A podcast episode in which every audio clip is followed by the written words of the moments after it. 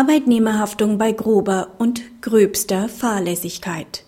Hat der Arbeitnehmer seinen Arbeitgeber in Ausführung einer betrieblich veranlassten Tätigkeit geschädigt, können Haftungserleichterungen auch dann in Betracht kommen, wenn der Beschäftigte grob fahrlässig oder mit gröbster Fahrlässigkeit gehandelt hat. Die Arbeitnehmerin ist als Reinigungskraft in einer Röntgenpraxis tätig. Ihr monatliches Bruttoentgelt beläuft sich auf 320 Euro. Eines Abends hält sich die Arbeitnehmerin zufällig in der Nähe der Praxis auf, als sie durch die Praxistür einen Alarmton hört. Sie geht in die Praxisräume und stellt fest, dass der Alarm von einem Magnetresonanztomographen ausgeht.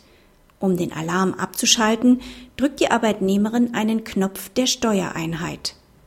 Es handelt sich dabei jedoch nicht um die Alarmabschaltung, sondern um eine Notabschaltung, die zum kompletten Ausfall des Geräts führt. Der Arztpraxis entsteht dadurch ein Schaden in Höhe von rund 30.000 Euro. Diesen Schaden macht die Praxis gegenüber der Arbeitnehmerin geltend. Das Landesarbeitsgericht verurteilt die Arbeitnehmerin zu einer Schadensersatzzahlung in Höhe eines Jahresgehalts 3.840 Euro. Das BAG bestätigt diese Entscheidung. Die Beurteilung des Streitfalls richtet sich nach den von der Rechtsprechung entwickelten Grundsätzen zur beschränkten Arbeitnehmerhaftung. Diese Grundsätze greifen immer ein, wenn ein Beschäftigter seinen Arbeitgeber in Ausübung einer betrieblich veranlassten Tätigkeit geschädigt hat. Von einer solchen betrieblichen Veranlassung ist im Streitfall auszugehen, da die Arbeitnehmerin im wohlverstandenen Interesse ihres Arbeitgebers gehandelt hat, um Schaden von diesem abzuwenden und damit auch ihren eigenen Arbeitsplatz zu erhalten. Dass die Handlung außerhalb der Arbeitszeit erfolgte, steht einem unmittelbaren Zusammenhang des Handelns mit dem Arbeitsverhältnis nicht entgegen.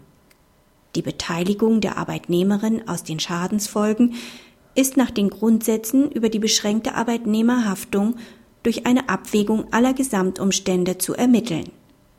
Die Betätigung der Steuerungseinheit stellt sich als besonders grob fahrlässig dar, da die Arbeitnehmerin wissen musste, dass sie der Bedienung einer derart komplexen Maschine nicht gewachsen ist.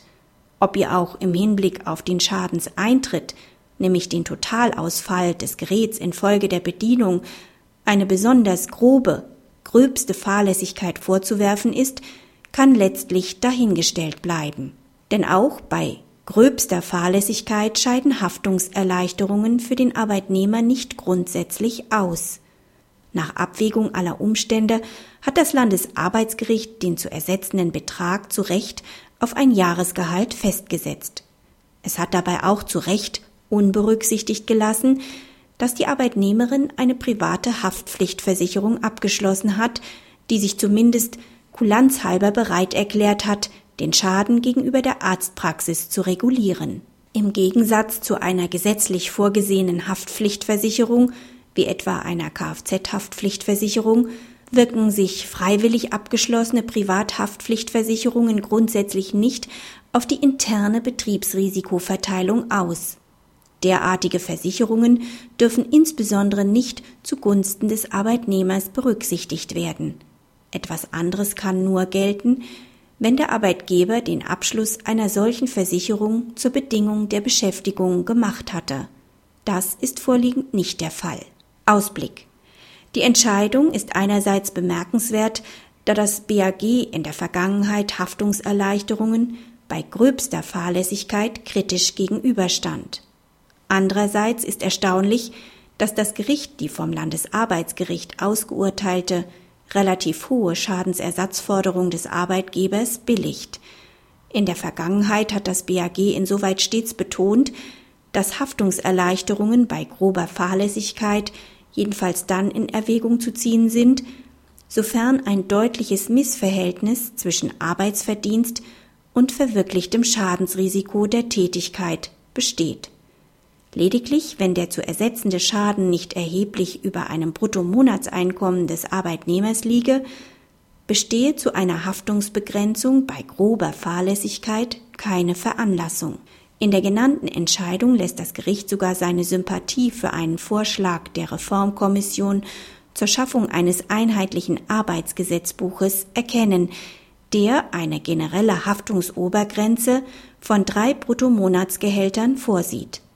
Im entschiedenen Fall bleibt auch der Umstand unberücksichtigt, dass die Arbeitnehmerin durch die Verurteilung möglicherweise in die Privatinsolvenz getrieben wird.